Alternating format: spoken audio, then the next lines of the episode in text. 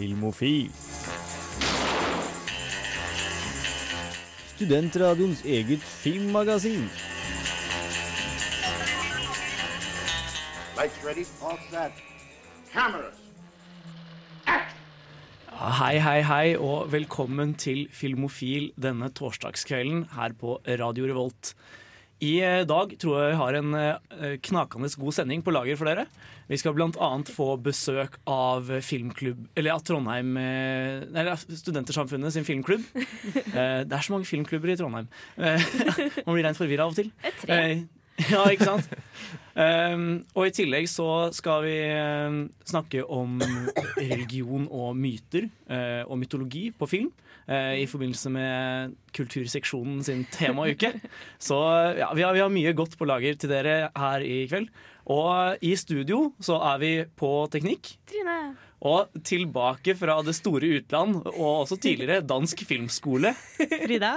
Og jeg har også med oss vår faste filmnerd Henning. og uh, vår regissør Spire. Sunniva. Og mitt navn er August. Eh, Jeg håper dere kommer til å kose dere i kveld eh, like mye som vi har tenkt å gjøre.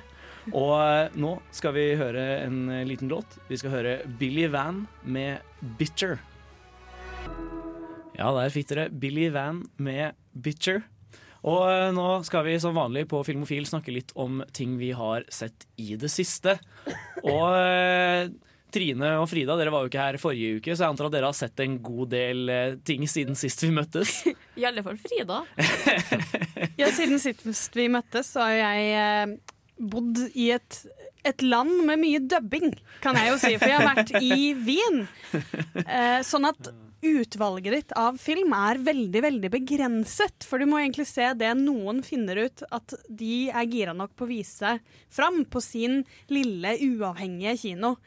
Og i tillegg, sånne uavhengige, små engelskspråklige eller, altså det, det vil bare si at de ikke dubber Ja. til tysk. Og de kjører mye mer sånn teatergreie, hvor det er sånn Ja, denne månedens film, det er denne filmen. Har du sett den? Ja, da får du vente til neste måned, og da kommer det en ny film. Så jeg har ikke sett utrolig mye, men jeg fikk sett Moonlight. Ja, det, okay. Og det må jeg bare si at jeg syns jeg, jeg føler kanskje folk var ferdig med å gire seg opp over Moonlight for en stund siden, men det er ikke jeg, så jeg tar det nå. Fordi det er så rart at den vant Oscar. Det er den, altså, dette er første gang siden kanskje de starta, syns jeg, at Oscar på en måte beste film var faktisk en av årets beste filmer. ja, jeg syns jo også det var eh, altså, da, jeg, da den vant Oscar, tenkte jeg OK, det må være en litt sånn derre eh, En litt sånn streit Eller veldig, veldig enkelt oppsatt sånn oppvekstdrama. Og så dro vi og så den i eksamensperioden. Og det, det var jo en helt annen film enn det. Den hadde så kunstnerisk visjon, på en måte. Den hadde, det, var ikke, det var ikke bare en, et, en enkel oppvekststilling, men også liksom en, det var en visuell eksess der som jeg ikke hadde forventa i det hele tatt av en sånn beste filmvinner. Og den er på en måte, altså det er så mye de har å si, da. Og det er kanskje det jeg tenkte mye på, at veldig ofte Oscar-filmene pleier å ha en sånn ferd, pakke sammen, og så ferdig med det type moral. Som der, er- Ja. Og så går du ut fra Kongens tale, og så tenker du fint at han fikk litt selvtillit. og så liksom Det stopper så veldig, da, men her så går det ut med sånn Jeg har liksom Ofte når jeg ligger og skal sove, så tenker jeg litt på Moonlight. Og liksom, jeg blir ikke helt ferdig med den. Da. Så jeg syns det var eh, Altså, jeg så den jo eh, to ganger, for den gikk jo en måned, så det er ikke så rart. Men eh, ja. Eh, Min store filmopplevelse i fjor, vil jeg Ja. si. Ja, nei, det er altså en film jeg ser fram til å Eller ser fram til et gjensyn med. Men Trine, har du sett noe spennende siden, siden før Å, oh, jeg har sett en del. Det er liksom, jeg ble litt, litt irritert for at jeg ikke hadde sendinga i sommer, Fordi da jeg fikk ikke gørsa like mye over Spiderman Homecoming som jeg hadde lyst til. fordi Spiderman Homecoming kom jo ut i sommer. Og jeg er så fornøyd. så fornøyd. Jeg vil bare sitte og se på Tom Holland i en evighet. Men, eh, men ja. Jeg fikk også sett Her for første gang i sommer. Okay. Så bare sånn Jeg tenkte bare, ok, jeg kan sjekke det ut. Nå har hypen liksom gått litt ned. Jeg får ikke den, du må se den hele tida. Og så prøvde jeg å bare Jeg satt under hele filmen og bare Jeg har så lyst til å skrike akkurat nå. Jeg, jeg bare Og så forelska meg litt i Scarlett Johansson sin stemme. Ja, alle gjør jo det. Bare, bare, bare litt. Grann. Og bare Den var så fin! Jeg merker jeg hadde forelska i stemmen hennes lenge før jeg så Her. Men altså, det, det er jo en annen sak. Men den var liksom Den var så fin.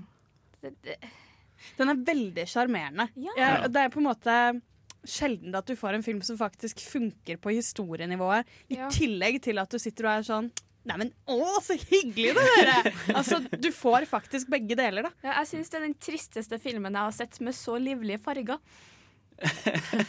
Ja, den, den har veldig sånn storbymetropol-isolasjonsfil over seg. Men, eh, men allikevel er den så varm i uttrykket. Det er også en film jeg liker veldig godt, selvfølgelig. Jeg elsker den, men det er en film jeg syns er vanskelig å anbefale til folk. Fordi jeg, jeg spør, jeg, hva handler den om? Ja, Nei, det er du som begynner å date operativsystemet sitt.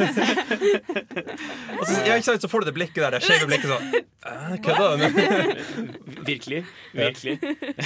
Ja, nei, det er ikke, det er ikke en lett film å anbefale, men det er likevel en film eh, som det er ganske Du er ganske trygg på at folk kommer til å like den Ja. allikevel. Det er absolutt er verdt å liksom- anbefale, selv om den er vanskelig. ja, ikke sant. Men uh, nå tror jeg vi skal høre en aldri så liten låt. Vi tar Lars Vaular med 'Garasjen' her på Radio Revolt. Wow. Avsluttet med en eksplosjon, den låta, gitt. Men uh, her på Filmofil snakker vi fortsatt om uh, hva vi har sett i det siste. Og Henning, har du sett noe spennende siden forrige uke? Ja, jeg har sett én film. Og det er It, den nye filmen. Jeg så den på pressevisning, har laga anmeldelse, og det kommer uh, straks. Ja, Da får vi vel nesten spare den til Ja. litt senere. Helst. Da hopper vi rett videre til Sunniva, rett og slett. Uh, jeg klarer ikke egentlig å bestemme meg. Jeg har sett så mye bra. Uh, men uh, jeg har sett veldig mye koreansk film i det siste. Oh. Ja, Det har vært skikkelig gøy. Eh, blant annet 'Memories of Murders'. Ja, for det er den, det er den Bong John-ho-filmen, er det ikke det? En mann som også lagde uh, Snowpiercer Ah. og Ja. eh, The Host, og senest nå Okja. Eller Ja. Okja, eller hva man nå kaller den, som kom på Netflix. Uh, den, den var veldig kul. Det var sånn Det er jo lagt til liksom en tid hvor det er veldig mye forskjellige styresmakter og sånn i Korea, da. Sør-Korea. Eh, ikke Nord-Korea. eh, og eh, det måte Det var veldig kult å se hvordan innvirkningen på liksom, det historiske aspektet hadde å si for hvordan politiet jobbet og hvordan samfunnet var og sånn, i tillegg til på en måte eh, at det er en krimhistorie der, da. Med en seriemorder og litt forskjellig sånn. Ja, for, for, de tidlige filmene til Bong Joon-ho er virkelig noe av det jeg føler jeg liksom mangler som en, eh, som en uh, filmelsker. Uh, særlig den A Memories of Murder og også Mother. Filmer jeg har utrolig lyst til å se, men de er liksom ikke sånn som dukker opp overalt. Nei, de gjør ikke det. Eh, Jeg hadde nok ikke sett den om det ikke var i skolesammenheng. ja? Eh, men eh, ja, du burde se den. Det var, sånn, det var også veldig pent å se på. Det, var sånn, det begynte så sykt sånn happy, både i fargepalett og liksom naivitet hos karakteren og sånn. Og så utviklet på en måte alt seg skikkelig jevnt til å bare bli skikkelig dark. Ja. Ja, jeg har jo også sett en, eh, en film i det siste som jeg satte veldig stor pris på. Jeg, eh,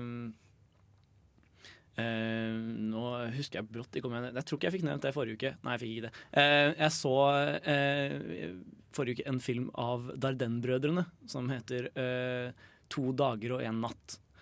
Og eh, folk eh, som har fulgt med lenge, husker kanskje at jeg anmeldte en film som het 'Kvinne ukjent' i vår. Som jeg ble veldig, veldig, veldig glad i.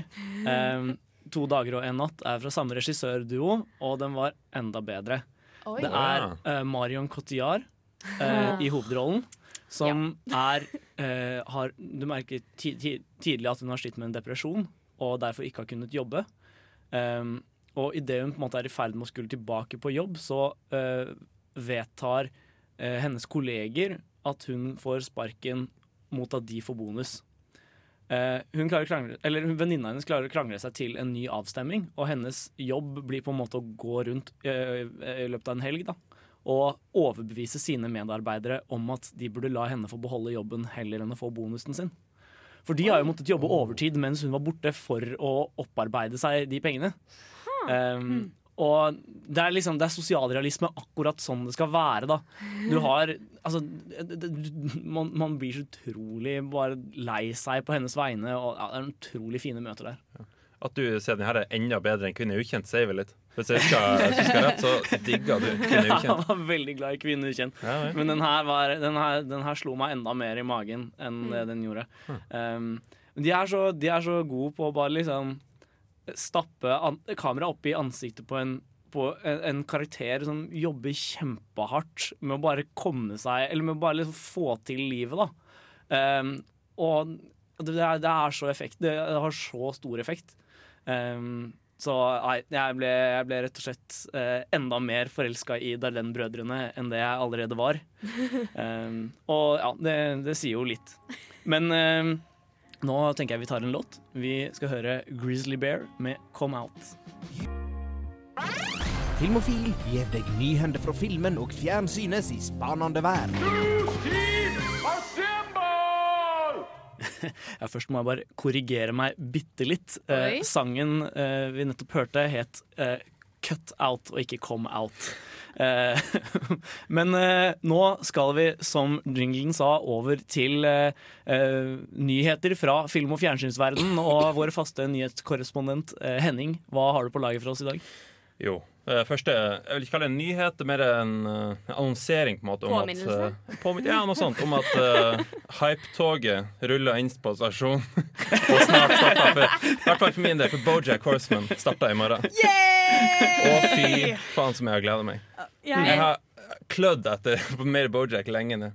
Og jeg, dessverre så har jeg ikke sett meg opp igjen på serien siden sesong tre slutta, men jeg skulle ønske jeg gjorde det. Kanskje jeg gjør det. jeg var veldig heldig, glemte at den eksisterte Ja. Lite, en liten periode. Og så plutselig leste jeg at Bojack Horseman hadde kommet ut med fjerde sesong. Og så var det liksom sånn, hjerterytmen gikk opp, og jeg ble, bare kjente at jeg ble så gira på få litt mer sånn der skikkelig trist tegneserie. Men så kommer den ikke ennå. Så det var en stor skuffelse. Og den kommer da altså i, Morgen. i morgen. 8. september Nei, unnskyld. 8. Jo, jo. Jeg måtte se på klokka. Jo, det gjør det. Rami Malek skal spille Freddie Mercury i filmen Bohemian Rhapsody. Å ja, jeg har sett bildet! Det ser så bra ut! ja, det kom for et par dager siden, bildene, og det det er et bra bilde, altså. For Rami Malek, det var han fra Mr. Robot, Mr. Robot ja. først og fremst. Jeg holdt på å si. Dawn. Hva Until Dawn, Until Dawn-spill. Ja, ja, ja. Det var der jeg så han først, faktisk. Ja, her. Så kjente jeg han Eller nei, plutselig hvilken TV-serie? Det er en annen TV-serie der han spiller en nabogutt som er homofil. Jeg kommer bare ikke på hva den heter for noe! Men kommer det Bohemian Rhapsody-film? Ja. Altså, altså, det, det er jo en film om Queen, da, ikke sangen. Ja, ja, ja, det handler om de fram til en av de største konsertene deres som jeg ikke husker navnet på. Men det, det er liksom oppgangen til Queen, da. Ikke sant? Mm, Kan det være Band-Aid eller noe sånt? Ja, jo, jo, Band-Aid, da. Stemmer det. En uh, liten uh, Hva skal jeg si? Ja, uh, Brian Singer skal regissere den. Oh. Jeg vet ikke helt hva jeg føler om det. Fordi han har, han har selvfølgelig Usual Suspect', som er en av favorittfilmene mine, men han, han har ikke lagd noen biografi av det. Ja, og, altså, E- X2 er jo decent, men Days of Future Past var jo eh, litt sånn all over the place. Hva med Apocalypse? Jeg har ikke sett. Apocalypse var jo helt krise. Ah, okay. Det var fryktelig. Apocalypse Eh, snakker vi ikke om. Men den er vel litt altså sånn, Den gir jeg til hvor superheltfilmer er på det tidspunktet. Det, jeg syns at han skal få for å måtte Ja. kaste seg inn i det Man kunne kanskje ikke forvente så mye av en enda en X-Men-film. Nei, liksom. ikke sant? Men så er han jo også en litt sånn shady type, da. Han har jo, en, han har jo noe sånn der eh, seksuell noen sånne noe sånn der uh, Sex med mindreårige anklager mot seg Ofte. og litt Oh. forskjellig, så ja, jeg vet ikke helt om jeg liker typen heller. Well, Nei. Altså, nei. Jeg lander på nei, jeg.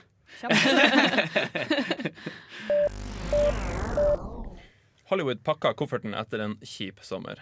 For dere som hørte i eh, forrige oh, sending, eh, nå har de eh, telt opp uh, Telt opp sedlene, for å si det sånn. Mm. Dette er den dårligste sommeren siden 2006. Oi. Oh, Ja. shit. Det er ganske eh, elendig. Men det var jo crappy sommer. Ja, da. ja, det var det. var Og alle, alle er enige om det. Ja, samtidig så var den jo ikke verre enn forrige sommer. Og jeg tror det er det som er problemet. Kinosommeren i fjor skuffa så utrolig mange. At eh, jeg tror de fikk, fikk baksmellen fra det i år, egentlig.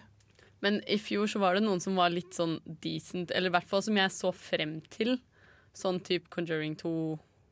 Jo, jo, men sånn det, ja, jo, jo, men den er jo ikke Ok, den var jo ikke topp, men den eh, var jo liksom Det var jo noe jeg så frem til. da I år så var det ingenting jeg så frem til engang. Men Hollywood er jo for øyeblikket veldig formulaisk. Sånn at på en måte Ja. Du, Det kommer jo alltid sånn De får til noe, og så går det litt bedre, og så slutter de å få det til fordi de gjør helt det samme til vi er lei. Og nå er kanskje folk litt lei, da. Ja, jeg tror det er mye av det som har skjedd, særlig med superheltsjanger. Selv om superheltfilmene strengt talt har gått ganske greit. Men sånn som Transformers uh, gjorde jo liksom 500 millioner dollar dårligere enn forrige film. Emoji-filmen. Uh, ja, den feila altså totalt. Men, men jeg er litt, litt tilbake til det du sa i stad, Stunde, Så syns jeg jo faktisk det har kommet en del gode filmer eh, denne sommeren. Eh, Dunkerque, for eksempel, var jo en virkelig god film. Og Baby Driver har også, har også noe for seg. Men det er jo litt mer sånn på slutten, da. Sånn alle de der oppfølgerne på starten ødela, syns jeg. ja, du har kanskje et poeng der.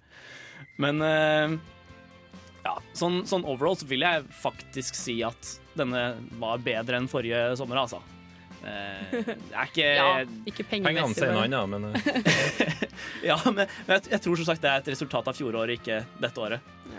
Men uh, nå er det på tide å høre en uh, låt. Vi skal høre Hinds med 'Caribbean Moon' her på Radio Revolt. I don't even I don't even know who you are anymore. Me? I know who I am. I'm a dude playing a dude disguised as another dude. Du lysner på Filmofil.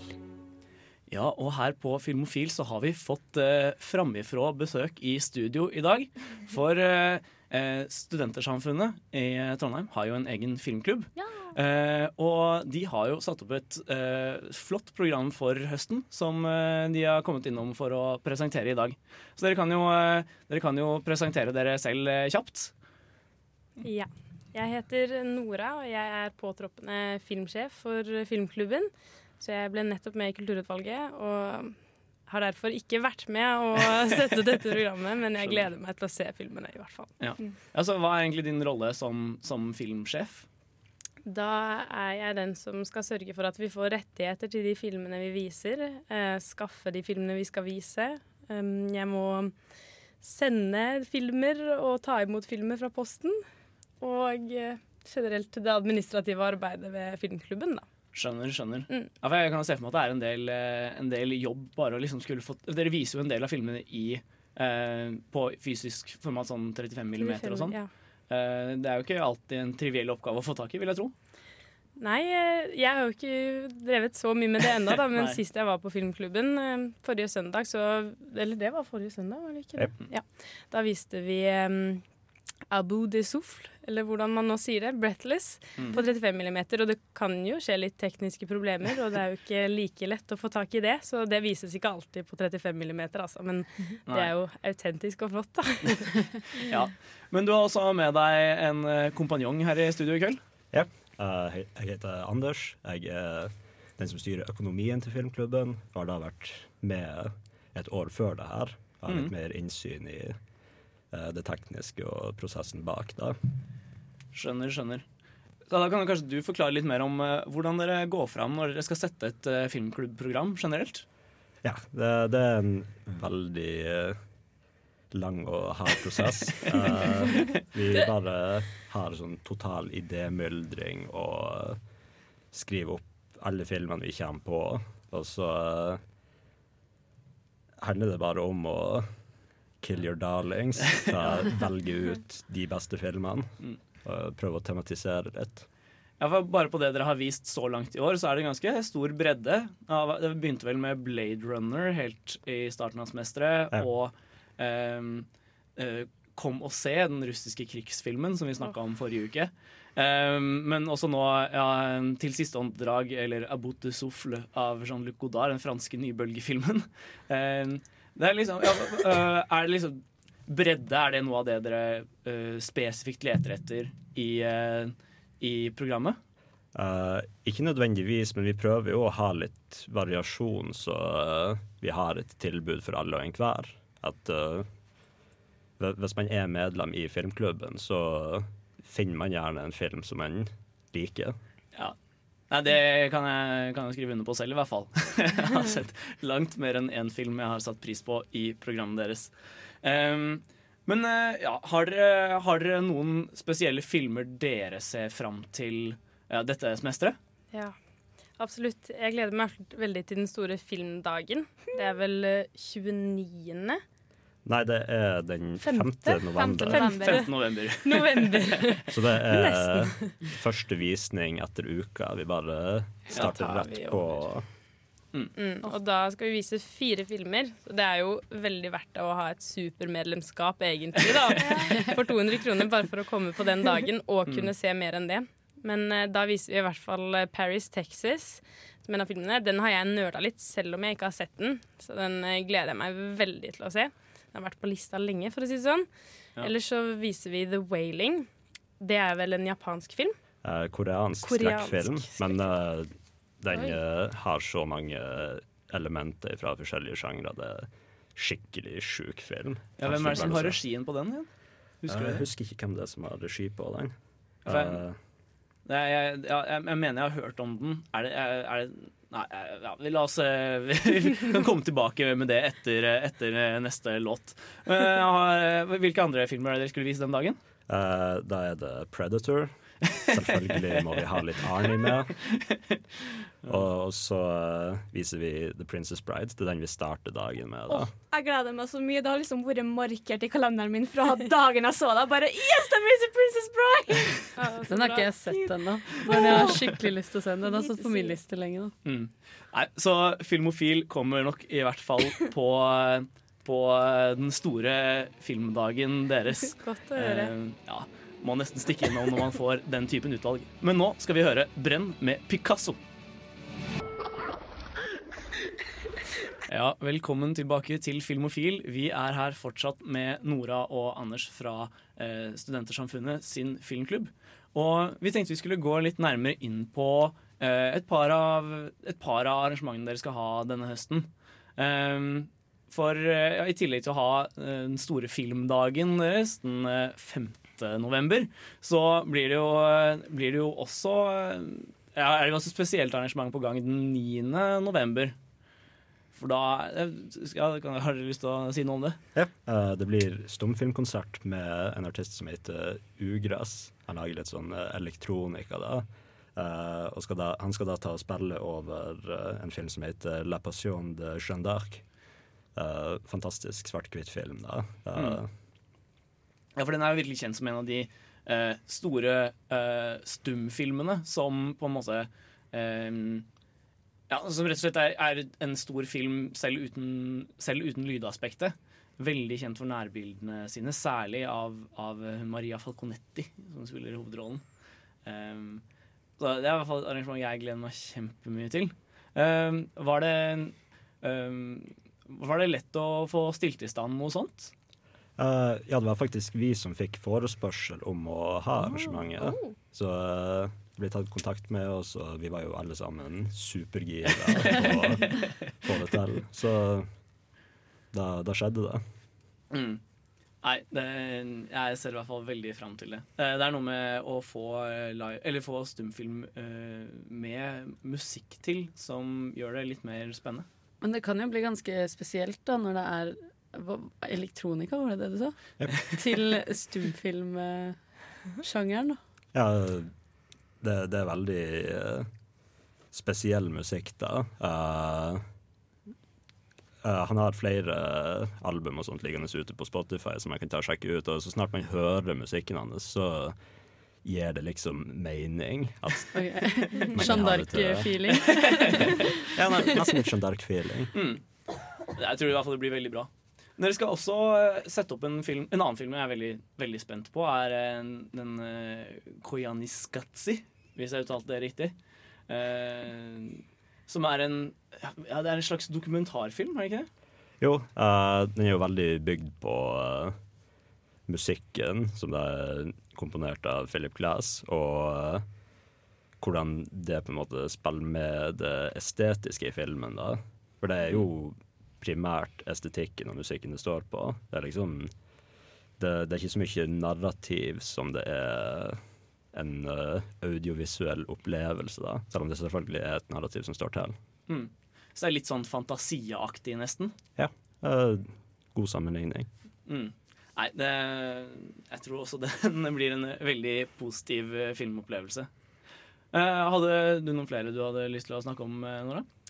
Ja, apropos eh, lyd i film og ikke lyd i film, så viser vi en veldig tidlig film med lyd, som er tysk fra 1931. Og den heter M. Det er Fritz Lang som regisserer den. Den er jo jeg veldig spent på å se. Det er en veldig viktig tysk film.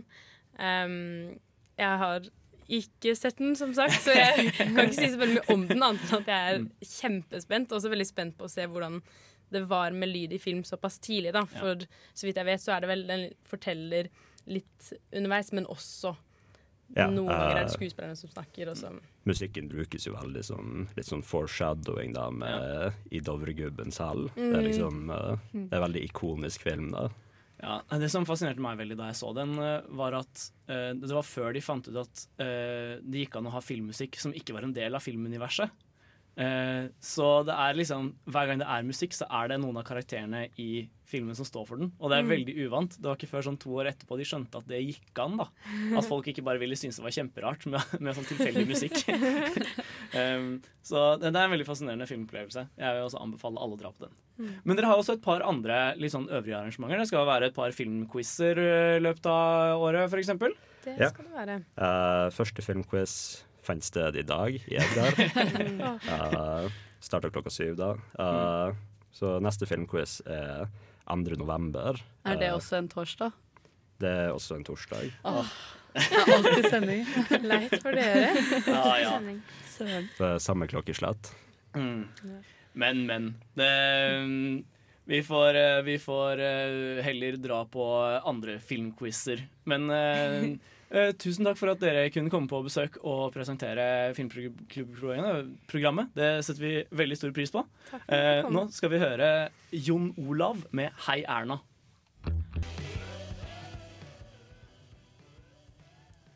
Ja, der fikk dere Jon Olav med 'Hei, Erna'.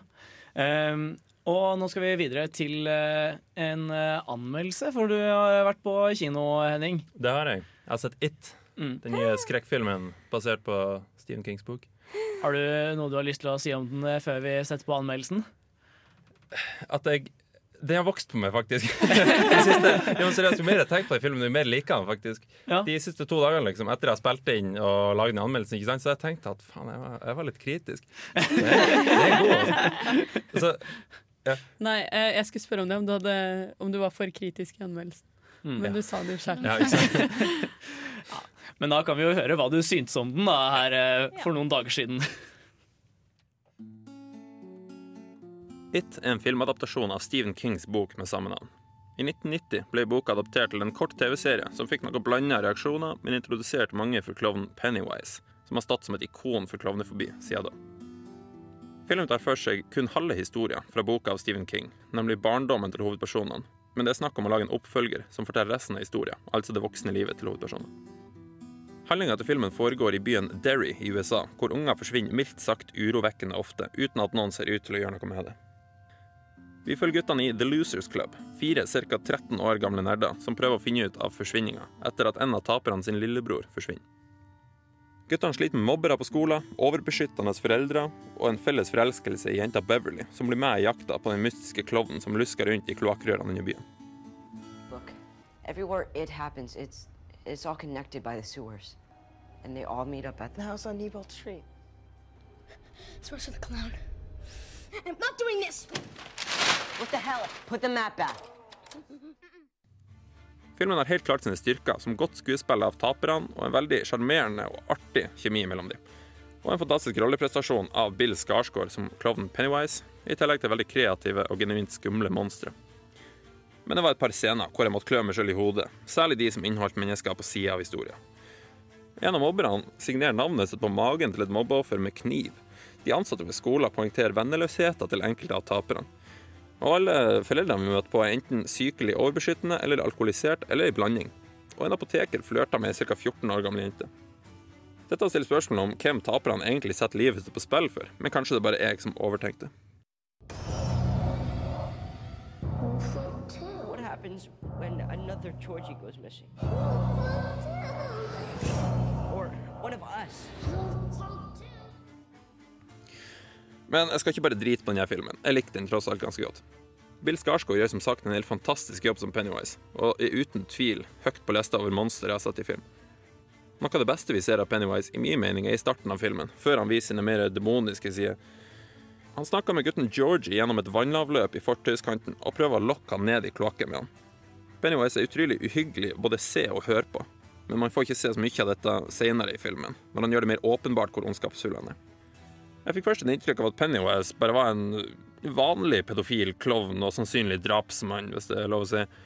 Men det viser seg ganske raskt at han har noe mer demonisk ved seg enn en vanlig morderisk klovn. Pennywise spiller på de verste fryktene til ungene for å skremme dem. Og disse scenene hvor han tar på seg en annen form for å skremme ungene, er kreativ, oppriktig skummel og gjorde meg veldig ukomfortabel. Dette var også noe av det beste ved filmen, selv om jeg følte at det ble noe overspilt utover historien. Hiya, Georgie. What a nice boat. Do you want it back? Um, yes, please. You look like a nice boy. Do you want a balloon too, Georgie?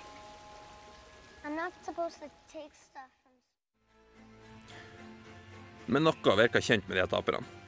Husker du Stranger Things? Visste du at regissørene av Stranger Things opprinnelig hadde ønska å jobbe med et prosjekt som baserte seg på boka It av Stephen King, men fikk avslag? Tror du de to vennegjengene har et par ting til felles? Hvis du sa ja, ti poeng til deg, for det er nettopp det de gjør. Det er ingen kritikk, for jeg elsker kjemien ungene har, både i Stranger Things og i It. Ungene i It er pinglete og konfliktsky i starten, men tar gradvis på seg et ansvar hvor de må sette seg sjøl i fare for å redde hele byen, rett og slett fordi det er den rette tingen å gjøre. Utviklinga til ungene er kanskje ei kjent oppskrift, men noe av det som får det til å funke så bra, er den sjarmerende humoren deres, spesielt Richies mordivitser. Richie er for øvrig spilt av Finn Wolfhard, som spilte Mike Wheeler i Stranger Things. Dessverre føler jeg at også dette ble litt overspilt utover filmen, og uansett hvor bra mordivitsene var, så falt det litt uh, flatt. Men herregud, It er fortsatt en god film, selv om jeg selv ble litt skuffa over at de siden jeg likte best, ble litt overspilt. Jeg vil fortsatt anbefale den til den som ønsker å se en kreativ monster-horrorfilm blanda med en gjenkjennelig, men god coming of age-historie. Med en og annen mordevits strødd på toppen av det hele, selvfølgelig. Hvis du når du så Stranger Things savna at monsteret var sterkere, skumlere, mer manipulativt og iført klovnekostyme, er It en film du ikke burde gå glipp av. Hvor the poison ivy? Nowhere. Okay, well, I'm starting to get itchy. I'm pretty sure this is not Do you use the same bathroom as your mother? Sometimes, yeah. Then you probably have crabs. That's so not funny. Aren't you guys coming in? Uh-uh. Jepp. Wow. Det var den. Det var Jeg, Jeg, eh, jeg syns ikke jeg ga nok, eh, nok credit for å si det sånn til en filmen, for den er skikkelig bra. Jeg vet ikke hvorfor jeg var så kritisk til den i starten. Jeg vet ikke. Jeg var jo, jeg var jo sånn i går. Mm. I en nesten fullsatt Nova 1. Ja. Og fy faen! Det gjør filmen Jeg tror det gjør filmen mye bedre, for Ja. du får liksom reaksjonen til alle andre. Jeg holdt nest, jeg satt helt ytterst og holdt liksom på å dette av stolen og liksom rulle nedover trappa for at jeg var så jævlig ukomfortabel. Ja, det var veldig sånn Det var veldig stemning i det at hele salen lo etter hver sånn Ja, ja, ja. fordi at alle hadde hoppet i stolen, Ja. Så det var sånn latterbrøl. Men jeg er veldig enig i flere av punktene dine, da. Det var er- overspill. Ja, blant Ja. annet. Eller sånn Ja. typen måten når, eh, For de begynner jo som sånn fire losers, Mm. og så kommer det to til inn i gjengen. Og måten Han første syns jeg på en måte var sånn greit hvordan de tok han med, da, men Ja. han andre de liksom Mike. rusha for mye gjennom det. da Hvis de hadde klart å gjøre det litt tidligere i filmen, eller noe Ja. så det var mer naturlig at han også ble med i The Losers Club. Men Ja. her så var det sånn de hørte at noen skreik nedi buskene, og så løp de ned, og så ble han mobba. Så hadde de en sånn steinkrig. Og så var, han, så var han helt med på å slåss med dere, ved deres side mot en morderisk klovn, liksom. Det ga ikke Ja, helt mening ja, men det svar. Etter det så bare dum, dum, dum, dum, og så gikk de på rekke og rad Og så sier han liksom sånn kanskje Sånn fire replikker etter altså, Han har jo ikke så mye spilletid. Nei, nei, det, det han, bare, han bare er med for å være med, på en måte. Da. Og det syns jeg var litt eh, dumt. Men det de skal ha, da, de har liksom klart å skape karakterer som faktisk Eh, Gode karakterer med god oppbygging. Du sitter og faktisk Mm. bryr deg om hva som skjer med dem. Du sitter der. Jeg var pissnervøs, sjøl om jeg har sett ikke se traileren. Den, den, den spoiler en del ting. Mm. Så bare sånn, jeg satt der og bare OK, jeg vet at det her kommer til å skje, det har ikke skjedd ennå, men faen, ass! Helvete! Mm. No more clowns. Men, men jeg tror at eh, Eller jeg syns de har vært veldig flinke på å plukke ut barneskuespillere også. Ja. Fordi blant annet han lille kudden, kidden, han Georgie Ja. han, eh, Første scenen han er med i, liksom. Eh, du blir jo Kjempebra. forelska i han med Ja, ja. en gang, liksom. Ja. Måten han Sånn- sprenger på Ja, borte. og sånn Den latteren når han løper etter båten sin, liksom. Jeg, jeg holdt på å begynne å grine allerede da, og det er jo Ja. første scene i filmen, liksom. Men er man ikke Fordi jeg syns Du nevnte denne Stranger Things. Mm. Og jeg har jo da ikke sett It, men jeg har sett Stranger Things. Og en av tingene jeg ikke likte med Stranger Things, var at jeg føler vi er litt ferdig med den derre OK, nå skal vi se på taperne. En sånn gjeng på fire gutter som egentlig er litt sånn Ja, litt mobbet, og så liksom er de, finner de hverandre gjennom the power of friendship. Og det bare Hvorfor er det alltid de man går til når det er en barnegjeng? Men jeg, ja, jeg syns det er jo litt morsomt sånn vår generasjon, da, fordi vi har jo på en måte et sånn nostalgisk forhold til 80-tallet uten å ha levd da. Eh, men, eh, og det eh, Det er jo kanskje litt den feelingen også, da, i det du sier med de der taperne. At du, det blir veldig sånn typisk inni det, da. Altså, veldig Stand By Me er vel filmen alt bygger på sånn. Ja. Hva hvis vi tar Stand By Me, og så putter vi det inn i den? Ja, ja, ja.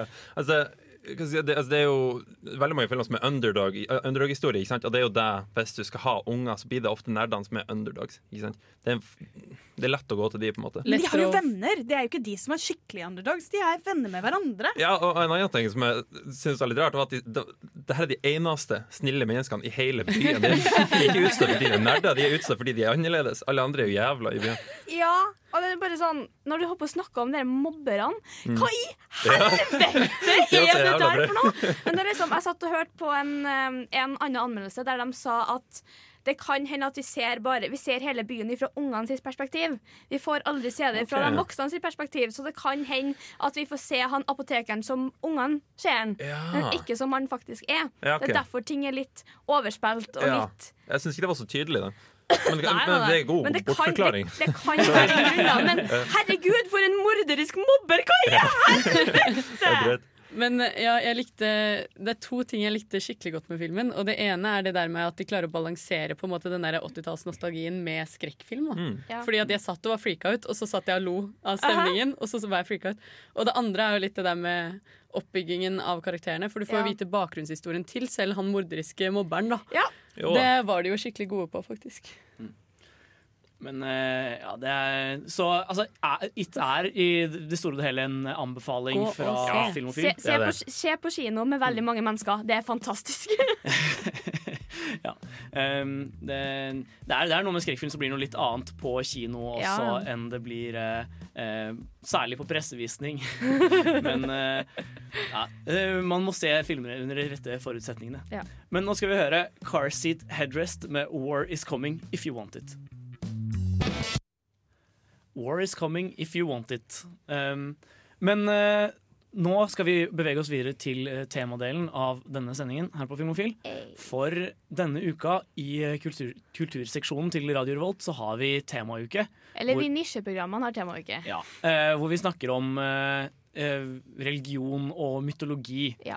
Um, og her, altså, hvis, hvis, dere, hvis dere synes denne sendingen er interessant, så er det veldig verdt å sjekke ut både Bare Bokbarn. Bare Bokbarn. Nerdeprat hadde ikke sending. Oh, ja. Men nå ble det litt for internt her, så da kan vi gå videre. ja. Eh, I hvert fall Bokbaren er også veldig verdt å sjekke ut hvis dere, hvis dere liker innholdet i denne sendinga. Det skal jo også sies at vi har temauke av en grunn. Og det Mm. er jo faktisk at det er eh, aktuelt nok eh, 500 Jo, jo. år siden Martin Luther eh, publiserte da på sin litt spektakulære måte eh, disse 95 tesene som startet eh, reformasjonen. Så da syns vi at altså det skulle ikke mange altså, Vi må ta religion akkurat nå. Ja.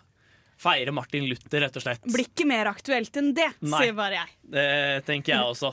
Um, men uh, i hvert fall det vi kommer til å snakke primært om, er liksom ja, religiøs symbolikk på, på det store lerretet. Og og også for så vidt i TV-mediet. da.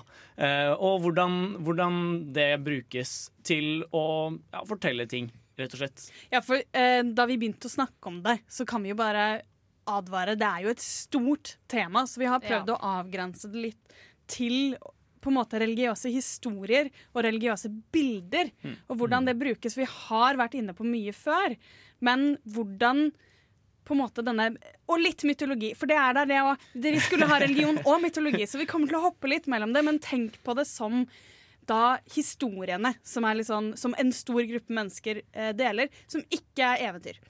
For Ja. eventyr er litt på siden, men vi tar nok kanskje også litt Åh, jeg savner å ha deg på sending. Og altså, eventyr er jo også typisk inspirert av mytologi. Så det er liksom det, Ting glir over i hverandre. Og, ja, vi, vi kommer til å snakke mye rundt det. Men det vi ikke kommer til å snakke så mye om, er nok sånn filmer som skildrer ø, hvordan det er å leve i et religiøst samfunn, f.eks.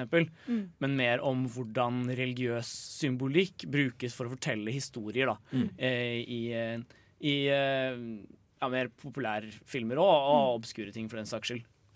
Det er jo ganske interessant, egentlig. Jeg satt og leste meg litt opp på temaet og sånn, og det er jo har jo kommet skikkelig bølge av det i det siste. Fordi at, eh, eller Folk tenker jo liksom at vi lever i et samfunn hvor liksom kristendom og, eller type religion da forsvinner kanskje litt ut og blir litt sånn gammeldags og sånne ting. Men de pusher det jo mer og mer inn i film, da. Ja. Og i bøker og TV og slikt. Ja, for eksempel sjangeren kristenfilm har jo blitt jo, ja, nei, nei, men altså, den, den spesifikke sjangeren som tar for seg liksom konkret sånn Ja, ja. Vi må tro på Gud, dere, hvis ikke kommer det til å gå skikkelig dårlig med oss. Eh, den, den subsjangeren i USA har jo vokst kjempemye de siste årene. Særlig når det kommer til økonomisk inntekt, eller inntjening fra dem. I sommer så det var eh, det var en kompis vi har sett eh, sett en film. Vi så Team America, faktisk. Så etterpå satt vi bare og prata, drit liksom i, i stua til han kompisen min. Så skrudde de på The God Channel, bare for å ha i bakgrunnen. Og da var det en film som gikk seriøst tre ganger på rad. Det var, det var en film om to kompiser, eller to menn da, 30 et eller annet, som ender opp i ørken. Og så bryter bilen deres ned, og så står de og prøver å fikse den og blir forbanna på hverandre. Så begynner de å gå, og så begynner de å slåss. Og de slåss og slåss og slåss, og slåss i sikkert en halvtime, eller noe sånt. Og så blir de venner til slutt. Det der høres ut som sånn kinoen i Wien, da. Ja. Det høres ut som at du får, de har en, så den må de nesten bare vise så lenge de har den. Jo, men Noen av de har til og med begynt å få premiere i Norge. Altså, sånn, jeg jeg kom for et år siden, eller litt mer enn det, som het The War Room. og sånn, Som jeg så traileren for og bare Oi, shit, det her var religiøst. um, men, uh, men ja. Så vi, vi kommer i hvert fall til å snakke uh, kanskje ikke så mye om konkret Ikke om sånn dette, egentlig. Nå, om dette, nå egentlig. har dere hørt det dere skal få høre om kristenfilm. Ja. Så nå skal vi inn i kristendommen i annen film. Som ikke er Rett og etter den veldig konkrete og spesifikke introen til ukas tema, så tror jeg vi skal ta en uh, låt. Uh, her får dere Mikael Paskalev med 'Bad Boy'.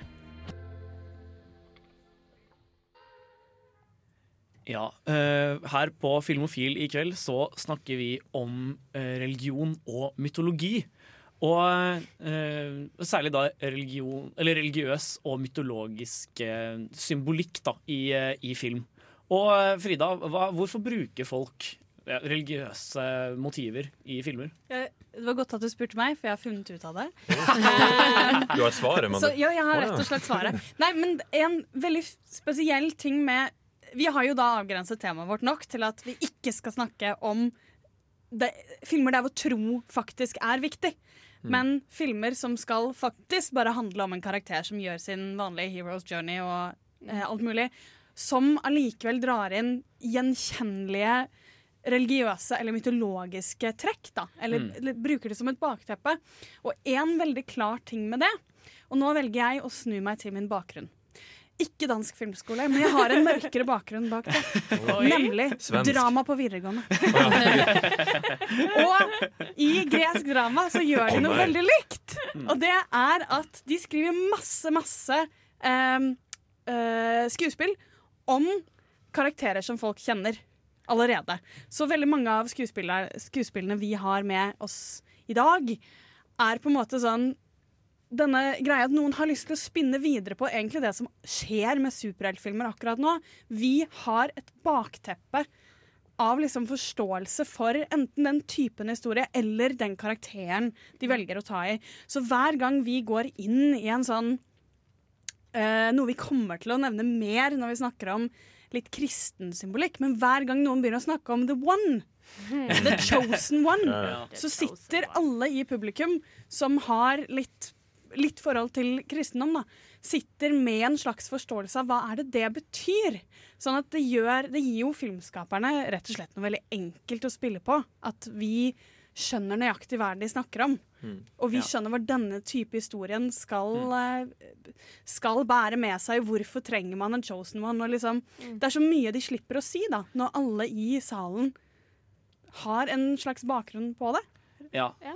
Og det gjelder jo i en del andre sammenhenger Eller eh, ikke, det gjelder jo ikke bare når man bruker kristen uh, mytologi som bakgrunn, men også for eksempel uh, når ja, Ta et eksempel som Thor, da. Uh, så har alle en del assosiasjoner til hva karakteren Thor innebærer, selv om eh, superhelten Thor er en ganske annerledes karakter enn den norrøne guden Thor. Du vet han har en hammer, liksom. Hammer, lyn, vikingtiden, machomann. Supermacho! Altså, sånn, vi trenger bare å se hammeren. For at det skal funke, ikke sant, så må det jo være at publikum er, altså, vet noe om den religionen. Har kjennskap sånn til så- det. Ja, ikke sant? Og sånn som Thor, ikke sant? Det er jo, man trenger ikke mer assosiasjon enn at han har en hammer og han er, han er blond liksom, og. Han har mye Fun fact, fun fact! Nå som du nevnte Ja. det. Thor i mytene har kjempespesifisert ikke blondt hår, han har rødt hår. Det er kjempe... han. Han har vel langt skjegg også, Langt skjegg og rødt hår. Yes. Og Han er ikke australsk heller. Herregud, mann. Ah, de har ikke lest den til mytologi. Men ikke sant, at man trenger ikke en, mer, noe mer assosiasjon til Thor enn det, fordi det er det folk vet om han. Kanskje egentlig er det Kristoffer Hivju de skulle hatt å spille Ja. Thor. Ja! Vært perfekt. Å ha møtt Mm. han. Kjempemoro. Litt tumblebragging med å gjøre når jeg først er tilbake på lufta. Mm. Men eh, Så det er mange grunner til å bruke religiøs symbolikk i film. Eh, Etter Anna of the North med 'Money' skal vi høre hvordan det brukes i kristen, eh, spesifikt.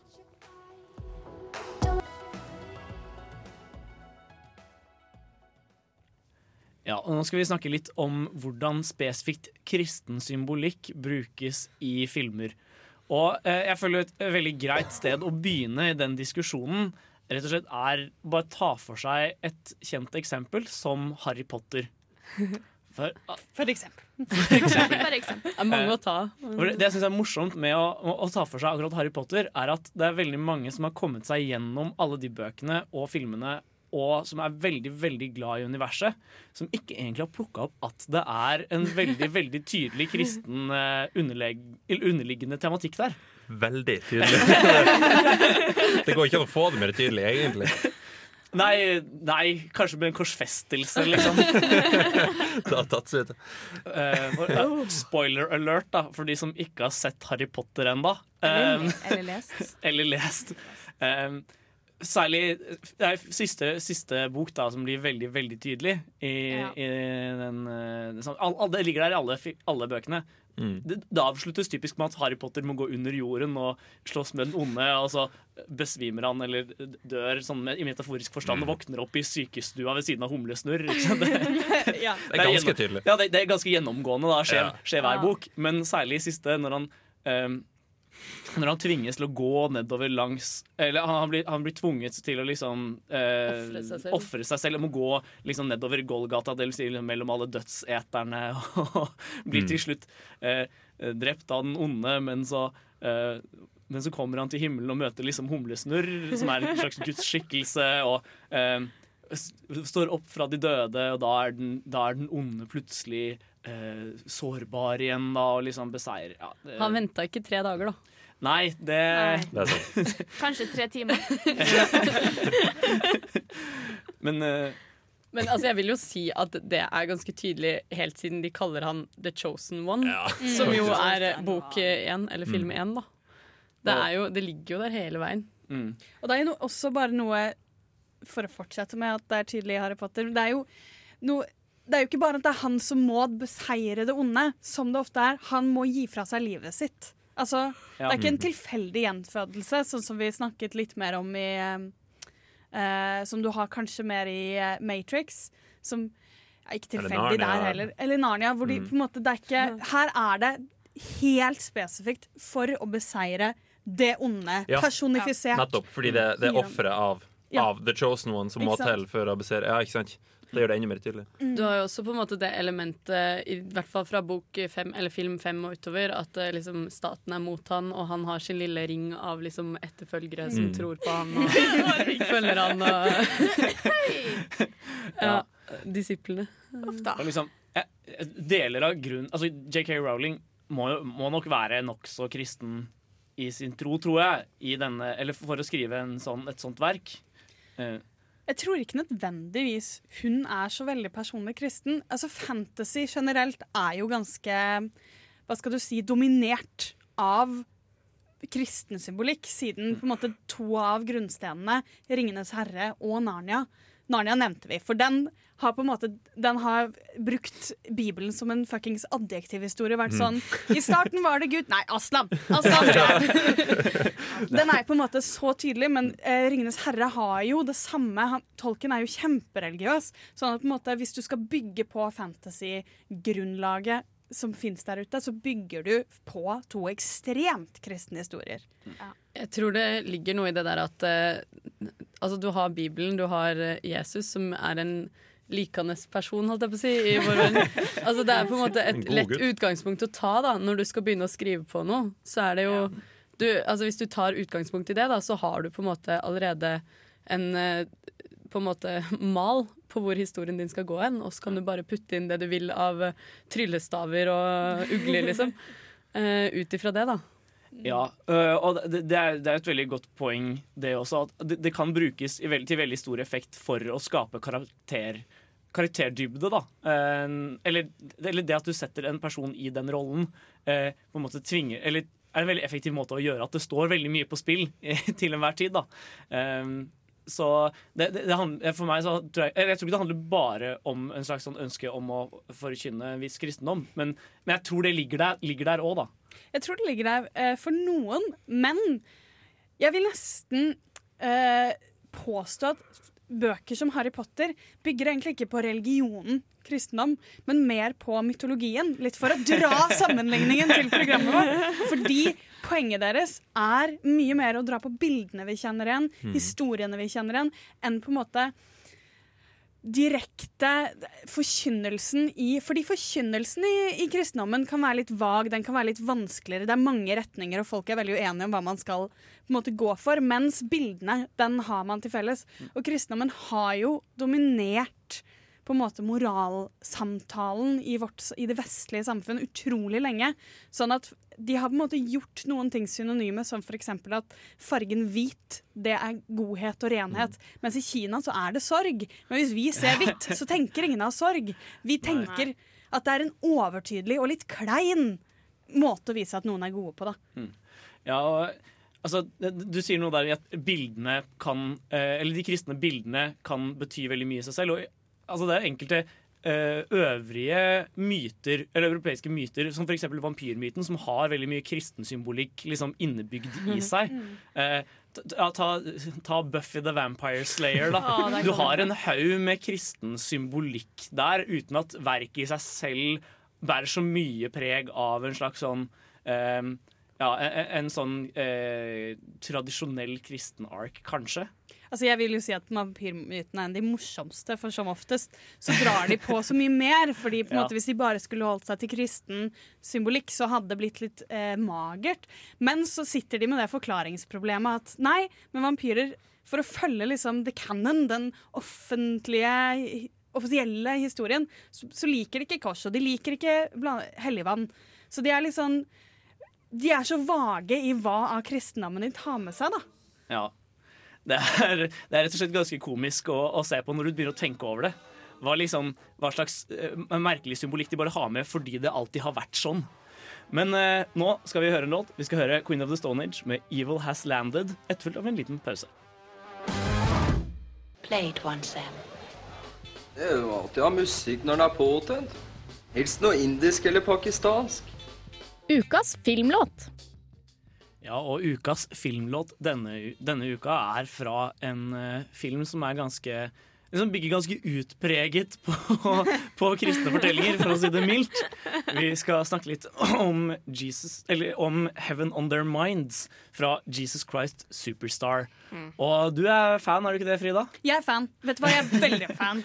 uh, det er en veldig morsom musikal. Jeg vil bare, For dere som ikke liker musikaler, så er dette enten stedet å starte eller stedet å slutte. Altså sånn Enten så liker du den veldig godt, og det er den som tar deg inn det, eller så hater du den og ser aldri musikaler igjen. Så jeg skal ikke garantere at dette er filmen som får deg inn. Men det er eh, veldig tidlig Andrew Lloyd Webber, som er eh, musikalkongen. Eh, og han har på en måte Altså Det er noe veldig blasfemisk ved hele musikalen, for han bærer den ikke med samme verdighet som han har gjort senere. da. Han har startet Sangen vi skal høre nå, er første sang i eh, hele musikalen. Og dette er da Judas som synger en sang til Jesus. Om at Jesus har blitt litt høy på seg selv, egentlig. Og den er sånn rar type rocka. Sånn, I stedet for å starte med et liksom storslaget nummer, så er det egentlig en veldig personlig tekst med litt sånn tullerockemelodi bak. Og det er veldig flott tilskudd til hele historien den bygger på. da. Ja, og innholdsmessig syns jeg også det er en veldig spennende, spennende låt, fordi den tar for seg på en måte hvordan eh, Eller den tar for seg den personlige motivasjonen til Judas fra et litt annet ståsted enn det man finner i Nyestestamentet. da. Eh, her er det mer om liksom måten Judas ikke er helt Eller sliter med hvordan, hvordan Jesus er i ferd med å liksom øh, gjøre seg selv til Gud. Mm. Mens han liksom altså, de, de prøver jo bare liksom gjøre det rett Eller gjøre verden til et bedre sted. Men så driver han og begynner han å tro på sin, egen, sin egen historie, da. eh, Mener Judas, og tror at det kommer til å gå skikkelig dårlig. Og det, det, så, det gjør han så relaterbar som karakter. på en måte. Veldig, for det er jo akkurat det hele denne historien gjør, er jo dette vi snakket om helt i starten av temadelen vår, nemlig det at man tar historier alle kjenner historien til. Et, eh, og så på en måte lager du vrien din, og her er vrien mye mer sånn Hva med disse to mennene sin personlige på en måte følelse bak? Hva er deres motivasjon? Hvorfor gjør de som de gjør? Og de, de tar Jeg vil jo si, selv om jeg syns dette er en ekstremt blasfemisk film, og basert veldig på mytologien til kristendommen og veldig lite på troen, så handler det veldig om hvordan også Jesus aksepterer at han må dø. Og det er gjort veldig flott, egentlig. Mm. Det med blasfemisk, det, det er ikke den mest kristenpromoterende filmen, tydeligvis. Til, altså, med tanke på at den heter Jesus Christ Superstar. Liksom.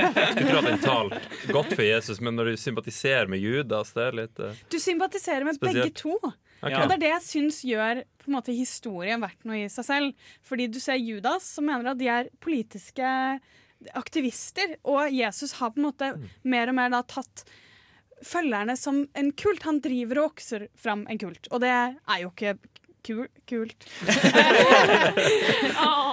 det var ikke meningen, fader. Men han på en måte, det er, Du skjønner hans bekymring for vennen, som blir mer og mer radikal og veldig fokusert på seg selv og sin rolle. Og samtidig så ser du litt på Jesus som prøver å akseptere det han Du ser aldri Gud i filmen, men du ser Jesus stå og prøve å snakke til en gud han hører noe fra, som bordrer han til å gå død. Og det syns jo ikke han er noe kult. Det, er, det er en veldig verdig film i sin grunnløse Nei, bunnløse eh, blasfemi. For jeg syns ikke egentlig den er så imot det kristne budskapet i seg selv. Det er mer det at den tar historien og vrir den på en måte som er veldig utradisjonell.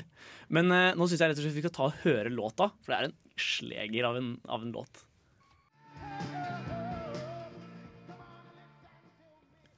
Ah, er nå har jeg sunget høyt med i studio nesten hele låta. Jeg er veldig veldig glad i akkurat, akkurat denne låta. Men eh, nå, vi snakke, nå har vi snakka mye om kristen symbolikk hittil eh, denne sendingen. Men det er jo også mye annen eh, religiøs symbolikk eh, som brukes i mye film. Og nå tenkte vi skulle ta en liten prat rundt bruken av mer hedensk symbolikk i film.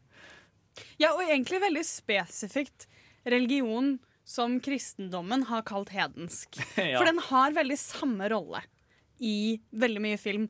Og en av de veldig åpenbare eh, rollene sånne ting har, er jo at de får veldig sånn det andre type Mm. aspektet. Og selv, jeg vil jo kanskje si at selv i Game of Thrones så, så har du med deg den derre at religionene der de er ikke kristne, så de er veldig andre og veldig mystiske. I Pirates of the Caribbean så bruker de jo faktisk religion, som faktisk folk tror på, men de bruker det fortsatt som sånn «Øh». De bruker da voodoo veldig for å på en måte bygge en mystikk av det vi ikke skjønner. American Horror Story har vel med alt av Ja, sånne den- ting. Ja. Den er vel i den uh, sjangeren hvor du på en måte bare tar inn det du Ja. kan få inn. Forklarer det ikke helt med litt uh, voodoo her og litt hekser der. Og litt. Er litt for seg sjøl. Men det er jo også det er jo akkurat i det uh, eksempelet er det jo også litt spesielt, fordi det kan jo skjule litt Hva skal du si lat skriving. At de får sånn ja, Men vi bare slenger på en religion ingen kan. Så da kan eh, du kan på en måte lappe sammen mye plotthull, og du trenger ikke Men jeg syns det er veldig interessant at selv om veldig mange ikke er så veldig religiøse, så fortsetter man å se på liksom kristendommen og dens verdenssyn som sin, og på en måte som den vanlige, mens med en gang da eh, Vikka kommer inn, så er det på en måte noen som sitter og messer, og så skal man tenke sånn hm, mystisk. I stedet for at du skal få kjenne deg igjen. Og det er ikke så rart heller, da. Nei, det er ikke ganske, ganske åpenbart hvorfor det er sånn. Ja, men jeg, jeg tror det er mange som eh, ofte undervurderer hvor eh, grunnleggende kristendommen har formet vårt verdenssyn. Selv om vi ikke nødvendigvis er så utrolig religiøse lenger, så ligger Ja. det under der. Eh, men på en måte eh, Ja, bare det at man har et lineært verdenssyn, da. Mm. Som på en måte uh, At det begynte et sted og så skulle slutte et sted, er ikke gitt uh, i forhold til mange, mange naturreligioner, og også østlige religioner, da, som har mer sirkulært uh, syn på tid. Og det, det er liksom eh, jeg, det, er, det skaper veldig grobunn for, for disse religionene som et slags sånn mystisk element som kommer inn. Og jeg syns Pirates of the Caribbean kanskje er et veldig interessant eksempel i denne, denne sammenhengen. Fordi de tar ikke bare inn eh, den, typen, den typen religion, men også, østlige, nei, også, også vestlige myter som den, eh, The Flying Dutchman og sånn. Mm. Og du har, jo, du har jo mye noe med Vi tok jo opp eh, Thor tidligere. Ja. Og det er jo mye norrøn mytologi som ligger i forskjellige filmer og etc. Gjerne gresk. Og, og de er Gjerne egentlig gresk. veldig interessante, både gresk og norrøn, fordi Ja. de er kjent, mer kjente, vil jeg si, hvis man går ut i verden og spør den gjengse amerikaner-europeer, som alle filmer lages for, om myter. Og jeg hadde spurt eh, om du har eh, god oversikt over eh, eh, aborginske myter eller greske, så har de fleste mye mer forhold til greske myter og norrøne myter. Kraken. ja, ikke sant. At du har disse um, du har på en måte Der har du knagger å feste ting på. Ja. Og vi nevnte jo Thor tidligere, og at han uh, framstilles eh, på en måte feil i forhold til det som faktisk er spesifisert i myten. Fordi man har lagt på sånn Ja, men de var sterke, og så var de veldig ariske. Veldig norske på en måte i utseendet. Skandinaviske. Så det er liksom white power blanda inn i hele greia. Og, på en måte, og det er den derre macho ti- macho-greia er så dratt ut. Når Thor i norrøne myter er jo Han er jo sinna, men han er jo også en av de veldig sinna gudene. Ikke så mye en helt. Det er litt sånn ja ja. Se her hva man kan gjøre når man drakk litt mye og liksom dreit seg ut og drepte 15 folk på fylla. Det er på en måte hans historie, da. For han har litt bakgrunn. Han er liksom ikke så mye forgrunn, egentlig. Ja, ja han, han har noen, men da er det jo ofte som en sånn slags eh, Det blir litt sånn morohistorier, da. Det er ikke han som var de episke, og så skapte Thor verden. Nei. eh, og både, både, både norrøn og gresk mytologi har blitt veldig sånn klassiske machosymboler på mange måter. Mm. du ser det veldig i liksom ja, Immortals også, for den saks skyld. Men eh, nå skal vi høre en låt. Vi skal høre Hanne Hukkelberg med Embroidery.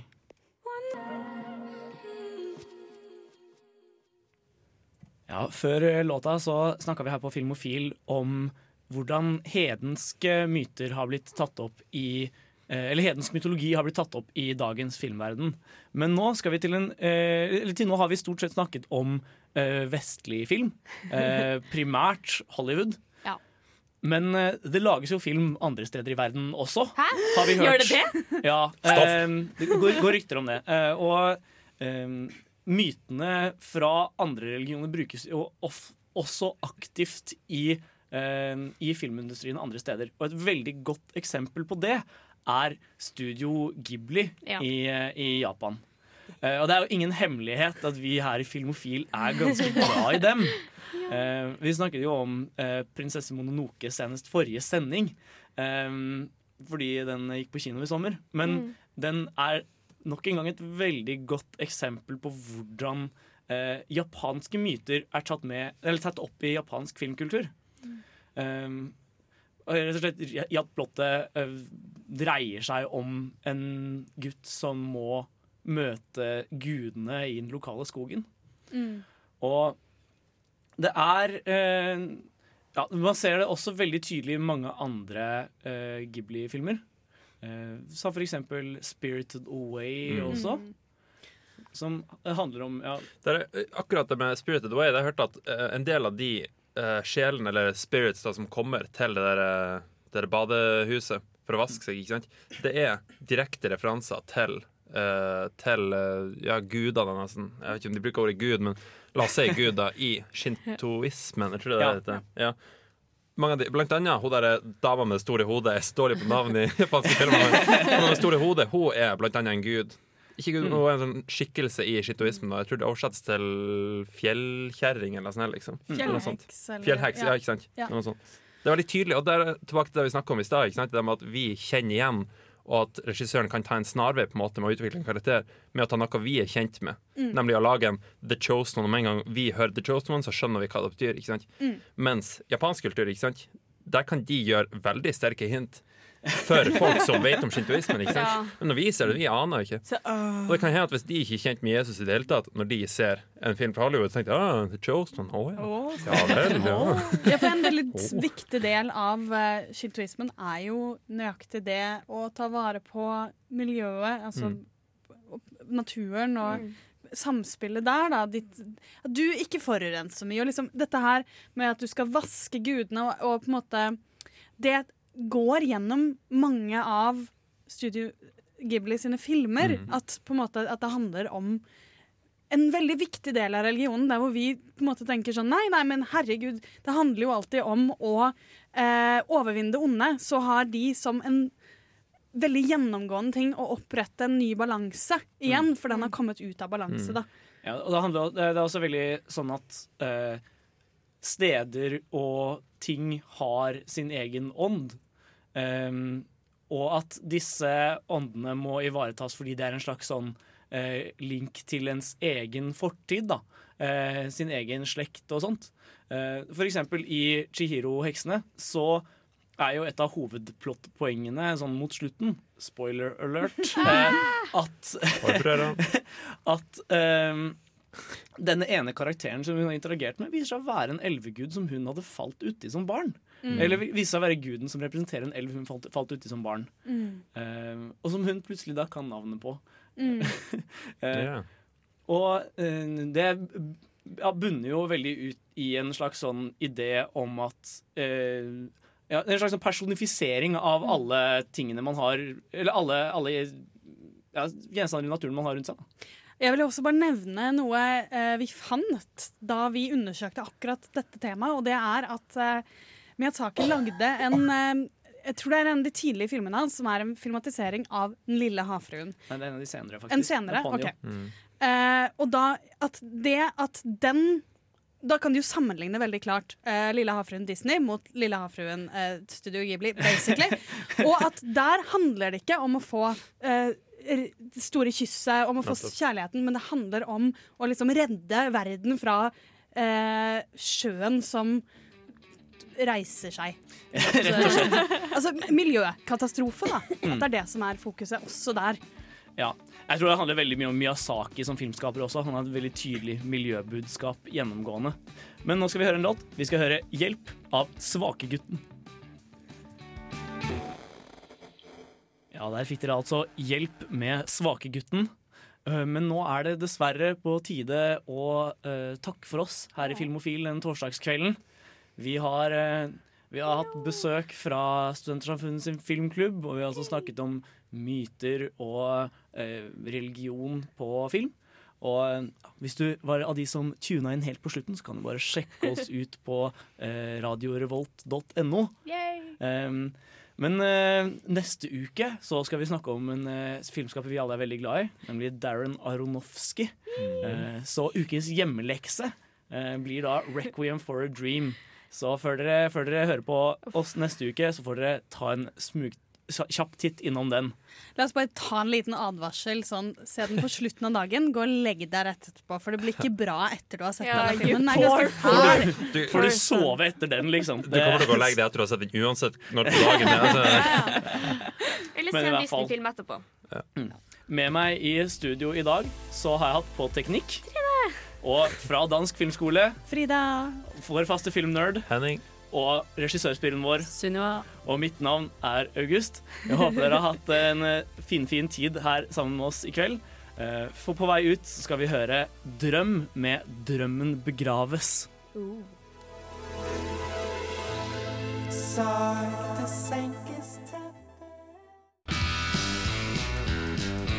Du lyttet nettopp til en podkast fra Radio Revolt. For å høre flere av våre podkaster, gå inn på radiorevolt.no.